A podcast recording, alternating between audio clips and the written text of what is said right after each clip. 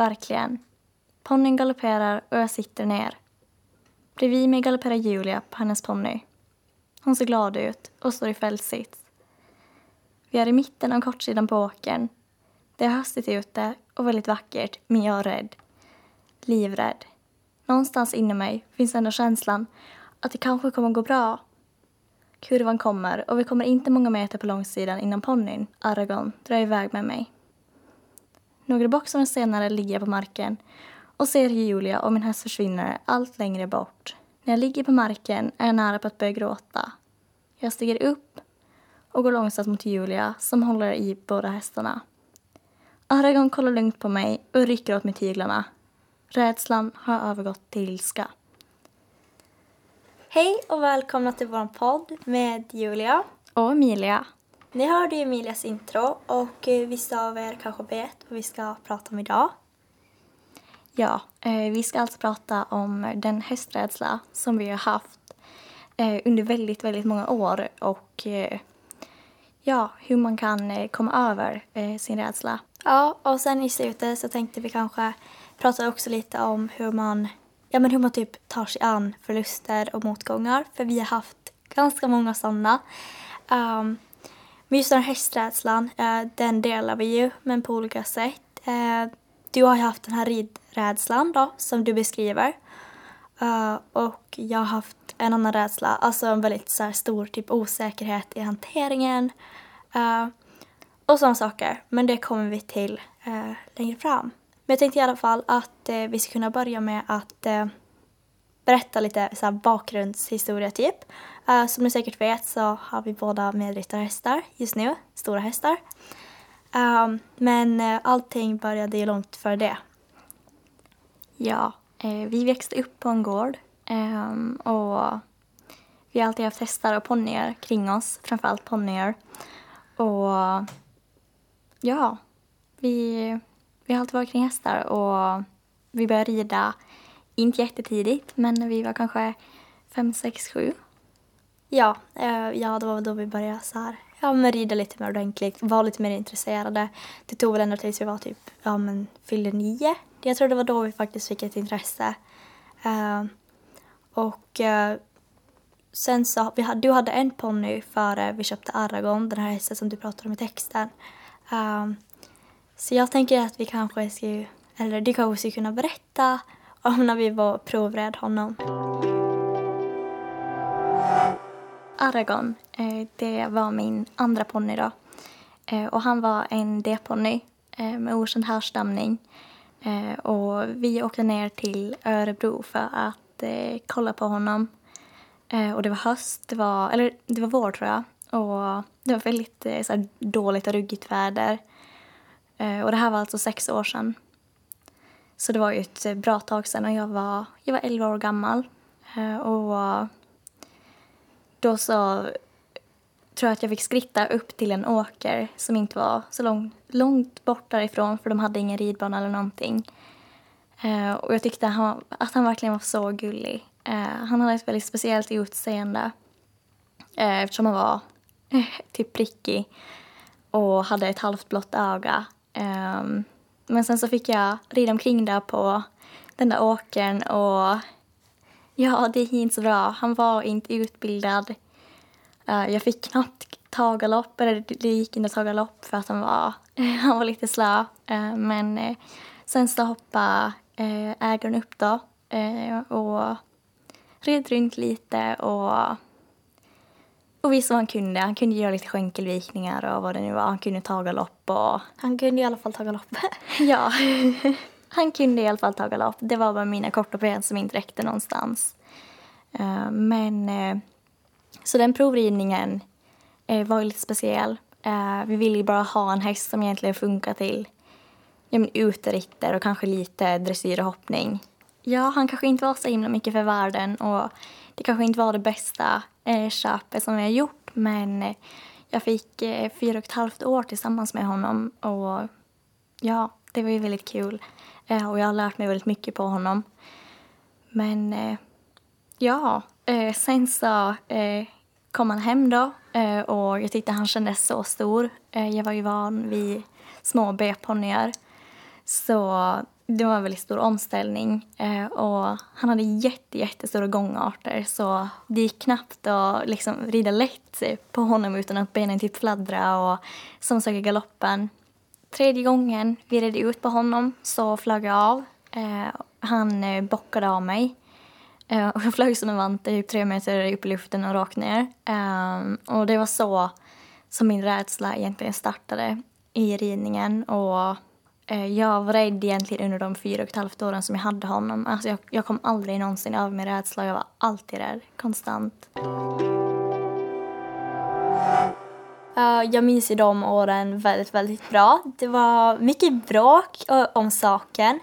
Ehm, alltså det var väldigt så här, alltid så här att ja men varför ska du ha honom när du ändå liksom inte, när du ändå inte tycker det är kul. Ehm, det kommer jag ihåg att ingen förstod det. Att eh, du var så himla rädd och jag var så arg för att du var rädd för jag fick inte galoppera ut längre. Uh, jag måste bara trava hela tiden. Uh, och du var verkligen, ja men du var verkligen så rädd och du blev väldigt lätt arg också. Eh, men det är ju så att eh, rädsla övergår lätt till ilska. Så jag kommer ihåg det väldigt bra. Att det var alltid någonting. Eh, du var alltid arg. För det mesta. Ehm, och det blev lätt så här, jag har ganska stor frustration bland oss andra också. Ja, alltså det var ju väldigt svårt. Jag var ju väldigt ung och jag hade ingen balans och jag hade inte så mycket kunskap. Eh, så såklart gjorde ju det eh, allting mycket, mycket eh, värre. Som idag så skulle jag ju ha gjort eh, allting helt annorlunda om jag skulle ha fått honom då. Och du nekar ju det här så länge. Du nekar ju att du var rädd. Det tog egentligen tills, ja men då när vi tog bort honom, typ efter det. Uh, först som du typ kunde erkänna att du faktiskt, ja men att du var rädd då. För det så var såhär, nej, så här, jag är inte rädd. Som att du inte själv typ ville typ inse det. Och ja, eh, det här introt som jag läste, det är bara en av de gångerna som jag flyger av på grund av att han eh, bockade. Um, jag kommer fortfarande ihåg den här ilskan. Att jag var så arg. Uh, och det var ju bara på grund av rädslan. Uh, så ja, som du sa, då kunde jag ju erkänna att jag, att jag alltid hade, hade varit rädd liksom. Um, och framför allt för att rida ut. Alltså jag var så himla rädd att jag skulle flyga av. Eh, och den här obehagliga känslan eh, när han sticker och bockar och far iväg. Eh, att jag är fortfarande jätterädd att rida på åkrar. Jag klarar inte av att rida på åkrar. För att det känns som att hästen ska eh, dra iväg helt enkelt. Eh, och ja, eh, även att rida ut med andra tycker jag också att det kan vara lite sist där. Även om det inte händer så ofta nu. Så även fast jag aldrig har varit rädd på det där sättet så kan jag nog ändå förstå det. För det är så himla eh, läskig känsla. Eh, för när en häst sticker eh, så är det så okontrollerat. För det är inte så här, visst om man galopperar fort, det är en sak. Men när den verkligen sticker och man känner så här, jag har ingen koll nu. Och det är liksom, vad ska man göra? Att för att få stopp om den verkligen liksom biter tag i bettet och bara drar. Eh, så det är en fruktansvärd känsla för man har ingen kontroll över situationen om vet hur man ska göra och allt går fort och, eh, och alla saker som kan hända. Det kan hända så himla mycket saker om hästen får för sig att dra. Eh, Um, så ja, det är en läskig känsla. Jag tror att eh, folk som typ inte rider och så kan typ inte förstå det tror jag. Eller de som inte var med om det. Ehm, och jag tror att de flesta människor skulle nog liksom bli arga då nog. Ehm, jag vet att eh, en gång när Argon drog iväg med mamma, jag tror jag typ aldrig har sett henne så arg. Hon var så arg. Eh, men det var ju för att vi var liksom uppe på typ eh, ett berg eller det var som liksom en väg på ett berg, en gräsväg. Och sen så kom det en ganska brant backe som var liksom hemåt och hon, jag antar att hon blev jätterädd att han skulle springa ner för den för då skulle vi liksom typ ha slagit ihjäl oss. Eh, så de flesta agerar nog på det sättet ändå. Att, ja, att man blir arg. Och så är det ju med vilken resa som helst egentligen. Julia, eh, hur började din rädsla egentligen? För det har jag, det har jag aldrig förstått. Ja, eh, det undrar jag också. Eh, jag har egentligen ingen aning. Eh, som sagt så har vi alltid haft eh, både hästar och ponnyer hemma. Alltså allt från islandshästar till eh, hopponnyer eh, till nordsvenskar. Eh, vi har haft alla möjliga hästar. Så min hästrädsla var egentligen ganska oväntad eftersom jag jag har väl tidigare alltid varit en väldigt orädd person. Och så här, ja, men jag hoppar upp på den hästen och ingen annan vill rida den och ja, sådana saker. Uh, men sen min hästrädsla, jag märkte väl egentligen av det när vi var på typ ett meeting uh, i Sverige. Uh, då får vi med tre stora hästar. Uh, tillsammans med dig och uh, ja, två andra då. Um, och jag kommer ihåg att alltså jag kommer ihåg det som en mardröm. det var, alltså det var jättejobbigt. Eh, och måste liksom lasta hästar, lasta ur hästar, stå överhuvudtaget med en häst på eh, en tävlingsplats. Eh, för det kan ju vara så att eh, på, en tävlings, på en tävlingsplats så det är mycket hästar, det är mycket människor eh, och en häst blir ju väldigt lätt liksom ja, vad ska man säga, den blir lätt spänd och uh, så jag kommer ihåg att uh, ni hade gått iväg med hästen åt något annat håll uh, och jag skulle, jag vet inte vad jag skulle göra men jag höll i alla fall i hästen Eh, och så börjar hon så här bara fara runt mig och där står jag så här 1,50 lång med en stor häst så här, jag bara, vad ska jag göra? Vad ska jag göra om det händer något? För det är så här, ja men väldigt fina hästar som vi får med då. Eh, så jag bara, vad ska jag göra om något händer nu? Vad ska jag göra? Uh, och jag stod där verkligen och kände så här, då kände jag verkligen så här, alltså typ hur rädd jag blev. Um, för jag har ju aldrig hanterat storhästar uh, tidigare då. Eh, så jag var inte van liksom med hästar i den storleken. Eh, så det var ju hemskt och jag kände mig verkligen, efter det jag bara kände mig så himla misslyckad. Eh, och inte så långt efter det så for vår tränare då, hon flyttade till Sverige och hade sin häst kvar här på ön. och då så skulle jag typ hjälpa till och motionera henne då. och hon som egentligen skulle ha ridit henne, hon hade brutit armen. Så då blev det jag. Jag förstår inte riktigt varför hon valde just mig. Men eh, jo, så jag kommer ihåg när jag skulle jag skulle typ, jag skulle inte provrida, men jag skulle rida henne första gången då. Uh, jag hade just varit dit och tränat med min egna ponny. Uh, och så jag hoppar upp på den här stora hästen, sitter där med korta stigleder, når knappt eh, med benen utanför schabraket. och jag sitter där och skrittar. Och jag tänker så här, ah, men min tränare kommer hjälpa mig. Hon bara lämnar mig helt ensam. Eh, hon så här, säger ingenting. Jag bara, vad ska jag göra? Och där står ni alla liksom på rad. Um, och det var så liksom stressfylld situation för mig. Det var, ja men det var så, så jobbigt. Um, och så tog jag lite trav och jag så här, jag, jag, kan inte rida, jag vet inte hur man gör, typ. Uh, jag har ingen aning. Uh, jag hamnade typ lite i stol, stolsits i sadeln och det var ju som det var då. Uh, och jag var så här, alltså jag har aldrig ridit storhäst förut och jag, jag var så osäker. Och jag tänkte, sen måste ju ni ha varit såhär, vad håller hon på med typ? Uh, va? Um, men i alla fall så fick jag fortsätta rida den här hästen då. Jag red henne några gånger och jag hade Moa med då. Uh, alltså hon som skulle egentligen rida henne. Uh, hon som känner hästen och så. Uh, så det var en väldigt uh, stor trygghet att uh, ha henne med mig då. och när det bara var vi i ridhuset så kändes det lite bättre då. Uh, men det kändes som ett totalt misslyckande. Och det var typ efter det som jag började typ tappa tron helt på mig själv. Uh, jag blev så här, typ allt osäkrare. Vad gör man för att uh, övervinna sin rädsla? Ja, eh, alltså hur man kommer över sin rädsla. Mm. Jag var ju väldigt rädd som, alltså i ridningen då.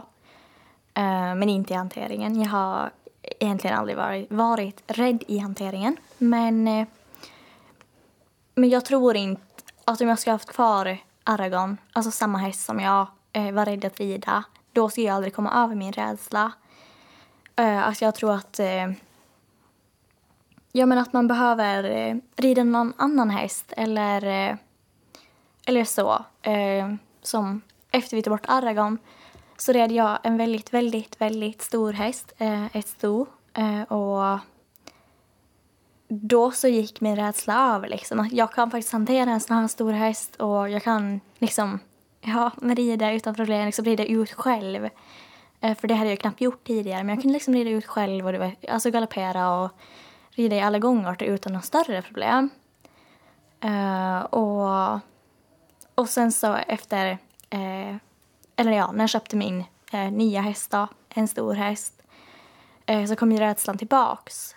Ehm, att, eh, ja, min nya häst som jag hade köpt då, han var eh, 164, eh, så han var inte jättestor men eh, ganska och han var spänd. Han var jättespänd. Det kändes som att man skulle kunna flyga iväg eh, när som helst. Och då kom rädslan tillbaks direkt. Jag var livrädd igen. Det kändes exakt som när jag red eh, Aragon då. Jag var så jävla rädd. Jag bara, alltså vad har vi gjort? Eh, vad, vad har vi köpt för någonting nu? Och vem var det som hoppade upp då?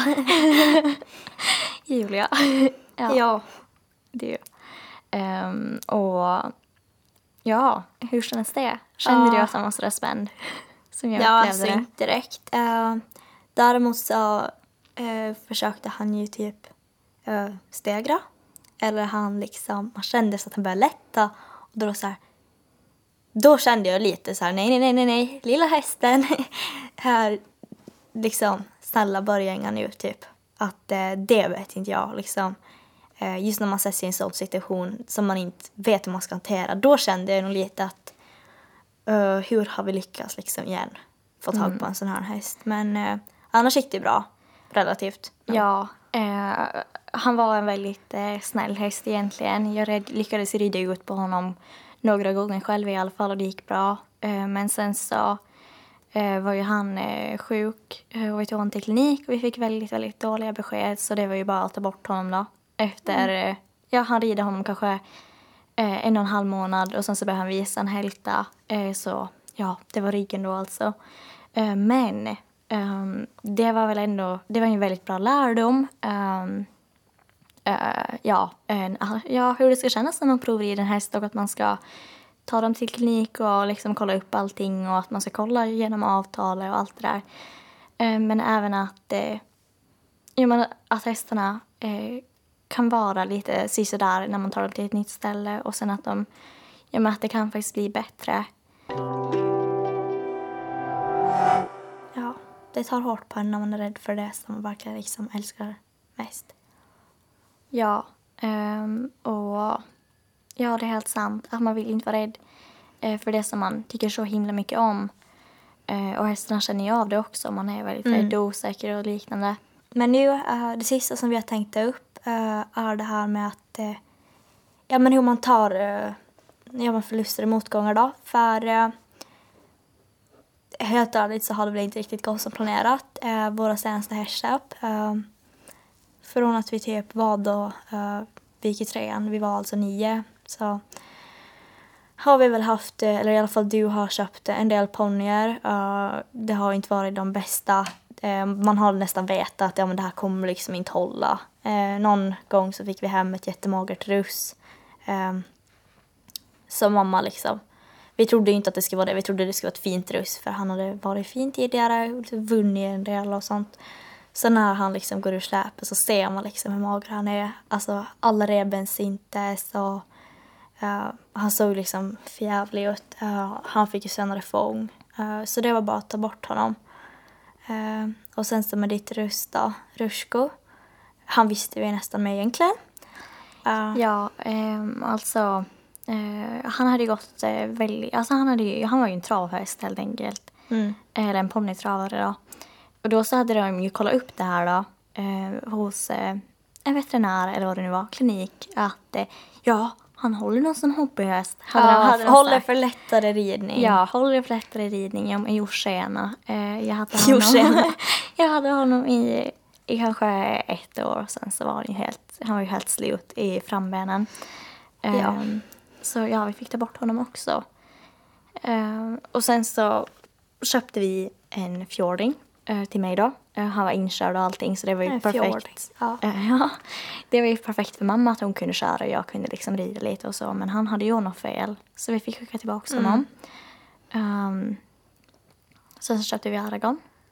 Och Aragon, ja, han är min lilla pälsling och han kommer alltid vara det. Um, och det var ju inte heller ehm, det var inte heller det bästa eh, köpet kanske. Honom fick jag ju ta bort efter fyra och ett halvt år. Um, men det var ju ändå en, alltså en ganska lång tid. Um, och sen så köpte jag ju den här eh, den här stora hästen då, Ville. Eh, en väldigt, väldigt, väldigt fin häst och han var verkligen min drömhäst. Um, verkligen, jag var så lycklig att jag liksom hade köpt en häst som var utbildad med sorbet-dressyr och hade hoppat liksom en meter. Eh, och jag tänkte, ja nu har jag liksom bra förutsättningar här men, men så var det ju inte riktigt. Um, men eh, så där är hela historien. Där, där är alla hästar som jag Det var ju, har haft. ja, alltså just det här med Ville, det var typ den hårdaste smällen. Eh, I samma veva som vi fick ta bort honom fick vi även ta bort uh, vår Rusta. Han hade vi ändå, alltså ratten, mitt Eh, uh, gamla russ och min stora systers gamla ponny.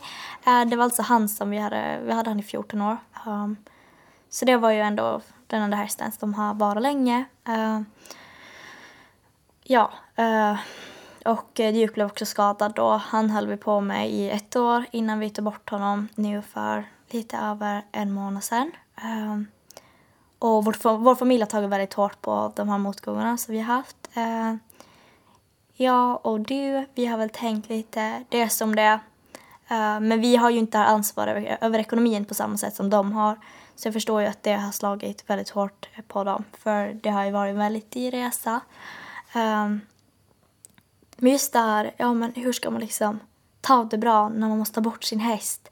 Allt som just ville, det var så här verkligen, ja men som en liten satsning. Ja, man mm. kan ju inte göra så himla stor satsning här, men det var ändå liksom en satsning. Uh, och sen att det bara gick helt i krasch och eh, nu står ju stallet helt tomt. eh, och just nu så har vi inte planer på att köpa några mer hästar. Eh, vi har inte ekonomisk möjlighet till det och eh, det var så tufft. Jag kommer ihåg alltså, när jag visste så att ja, eh, och mamma, nordsvensk som vi hade eh, som sällskap i Duke då under det här året som han var skadad. Eh, jag visste så här, ja han får hem eh, nu om typ några dagar och sen tar vi bort Duke på måndag. Eh, så jag kommer ihåg att jag typ, jag bara låg i min säng. Um, och jag hade liksom min telefon avstängd och grejer för jag kunde inte ha den på. Um, jag kunde inte kolla på någonting. Uh, jag kunde inte kolla på Netflix, så jag bara låg där och jag tror aldrig jag har mått så dåligt i hela mitt liv. Alltså, jag så satt i mitt fönster som vanligt då, uh, på kvällen och, och jag såg honom gå där ute i hagen. Och jag var så här, fan, han är borta liksom, snart. Um, och sen dagen före då, Uh, då var det så här, alltså jag trodde jag skulle dö. Uh, jag var helt säker på att jag liksom var väldigt sjuk eller någonting. För jag kunde knappt liksom röra mig. Jag kunde knappt gå ur sängen. Alltså det var sån, det var sån känsla. Jag har aldrig känt en sån känsla förut. Eh, så jag låg. Eh, det var så varmt eh, just under den tiden. så han fick stå inne i stallet då och chefen hade farit hem redan. Så jag kommer ihåg att jag låg liksom, jag hade tagit så här schabrak och typ lagt i boxen. Så jag låg där, ja, men för att jag inte kunde stå. För att det typ inte, alltså det fysiskt gick inte att stå. Och jag har aldrig känt något sånt förut. Men som sagt, eh, som jag sa tidigare så står stallet tomt nu. Um, jag tycker nästan att det är skönt med en paus. Um, för det har varit så mycket, det var ju helt kaos. Och ja, jag hoppas att vi fick, att vi fick med allting i det här avsnittet. Det kanske blev jätterörigt. Uh, för jag trodde att jag hade, jag trodde verkligen att jag hade kommit över det här. Men alltså med Duke då att bli hästlösa och grejer. Men uh, definitivt inte det här var um, det svåraste att prata om. Uh, så jag hoppas inte att det var alldeles för rörigt. Uh, men jag vet inte, jag vet inte hur man tar sig av sådana här saker. Men eh, som mamma sa till mig häromdagen att eh, ja, när vi pratade om det här med Duke så sa hon bara, ja men du måste komma ihåg att liksom, i framtiden sen när andra går bort liksom, ja men typ människor och sånt, att eh, kom ihåg det här då liksom. Kom ihåg hur det var med Duke, att eh, det är antagligen värre än det. Men att eh, det går över, eh, saker går till sist att tänka på. Man kan tänka på hästen eller på personen utan att man liksom eh, har totalt bryter ihop då. Eh, men sen att prata om det, det är en annan sak. Uh, men som sagt, det går över och sen kan man liksom se det fina i det liksom alla ens minnen som man har liksom under vår typ ponnytid och det äh, ponnytid som aldrig kommer till slut. Att eh, alltså det kommer nya möjligheter. Att eh, vi kommer säkert ha hästar någon dag igen. Eh, men just nu så går det inte och det är nog bra med paus men eh, ja, det kan vara bra att berätta om sådana här saker också. Eh, jag som hade tänkt att jag skulle berätta om framgångar men ja, jag hade stora framgångar med Duke. Uh, jag fick ett pris på den här hästgalan som vi har här. Uh, så här årets komet då. Uh, för att jag vann alla tävlingar som var med i antar. Uh, ja, jag vet inte. Uh, ja, så jag hade framgångar och jag liksom kommer aldrig glömma honom, såklart inte. Och han har lärt mig väldigt, väldigt mycket och här skulle jag vilja ta tillbaka honom. Uh, men det är lite svårt. Men eh, uh, ja. Uh, Ja. ja, vi hoppas att uh, ni tyckte att det här var ett uh, bra avsnitt. Ehm, att det här kanske blev eh, ett rörigt avsnitt. Ehm, vi började prata om rädsla. Eh, och den rädsla som vi faktiskt har känt eh, med hästar eh, och så. Och, och även ja, men typ hur man kan komma över det. Eh, att man ska utsätta sig eller att man ska rida någon tryggare häst eller liknande. Eh, ja, och sen så det här eh, med motgångar och framgångar. Att det skulle kunna egentligen ha fått ett helt eget avsnitt. Men nu blev det inte så. Nej, jag vet inte, det Ehm. blev ett uh, snabbt avslut nu. Uh, det var väl inte direkt meningen, men ja. Ja, eh, att... Eh, Ja, ehm, ja. Och sen tror jag, ja som sagt, det, det är bra med motgångar också. Eh, vi det har ju nästan varit som att när vi var yngre så tog vi allt för givet att eh, vi hade hästar och vi hade möjlighet att träna och sen så nu under det senaste året så har det verkligen, verkligheten har ju liksom slagit till ganska hårt att så här nej du kommer inte alltid, alltså dina föräldrar kommer inte alltid kunna betala eh, hästar till dig och du kommer, alltid, du kommer inte alltid kunna ha liksom den lyxen eller den förmånen att då blir man mer tacksam eh, för det minsta. Eh, och det är jag väldigt, väldigt glad för. Ja, att jag tror att vi liksom har levt omkring i vår bubbla och nästan varit eh, ja, men, lite otacksamma när vi var yngre. Ja, och bortskämda. bortskämda, tagit det lite för givet. Men att nu är mer så här, ja men att jag, jag är evigt, evigt, evigt tacksam att jag får rida sådana fina hästar helt, Mm. ja, men helt utan att ja, men betala liksom. Ja, alltså jag är så tacksam eh, och, och jag tror det, det är liksom en väldigt bra lärdom. Och även jag, att det händer jobbiga saker för alla. Och det, det här är ju en av de grejerna som vi tycker är väldigt, väldigt jobbigt. Men, eh, men och sen så jag tror att alla har liksom olika sätt att liksom hantera misslyckanden eller ja, men jobbiga situationer eller liknande. Och, men så som jag tänker är att man kan inte ändra på det som har varit. Och man kommer aldrig kunna göra det. Så därför är det ingen idé att älta. Eh, ja, det då. Men, eh, men så, såklart så kan det vara viktigt, viktigt för en individ att prata om sina problem och prata om det som man har upplevt för att man ska liksom kunna komma över det, såklart. Jag Ja. säger ju inte annat. Ja, men det är väl... Uh, vår podd är väl lite som så här terapi för en själv. Jag antar att så, det kommer gå lättare att prata om det här eh, längre fram nu när jag väl har typ berättat det. Um, alltså här, man, jag tror att man går lätt och typ trycker undan saker. Så ja, det kan vara väldigt bra att prata om saker också. Uh, men att man får se till att man inte fastnar i det bara för man mår inte bra av det alls. Uh, nu blev det i alla fall ett testavsnitt. Uh, vi var väldigt tveksamma till början om vi ska göra det. Uh, men nu så här i efterhand så tycker jag att uh, det är ja, men att det är bra att vi har ja, men att vi har gjort det här avsnittet och man får prata lite. Ehm, så ja, vi hörs i nästa avsnitt.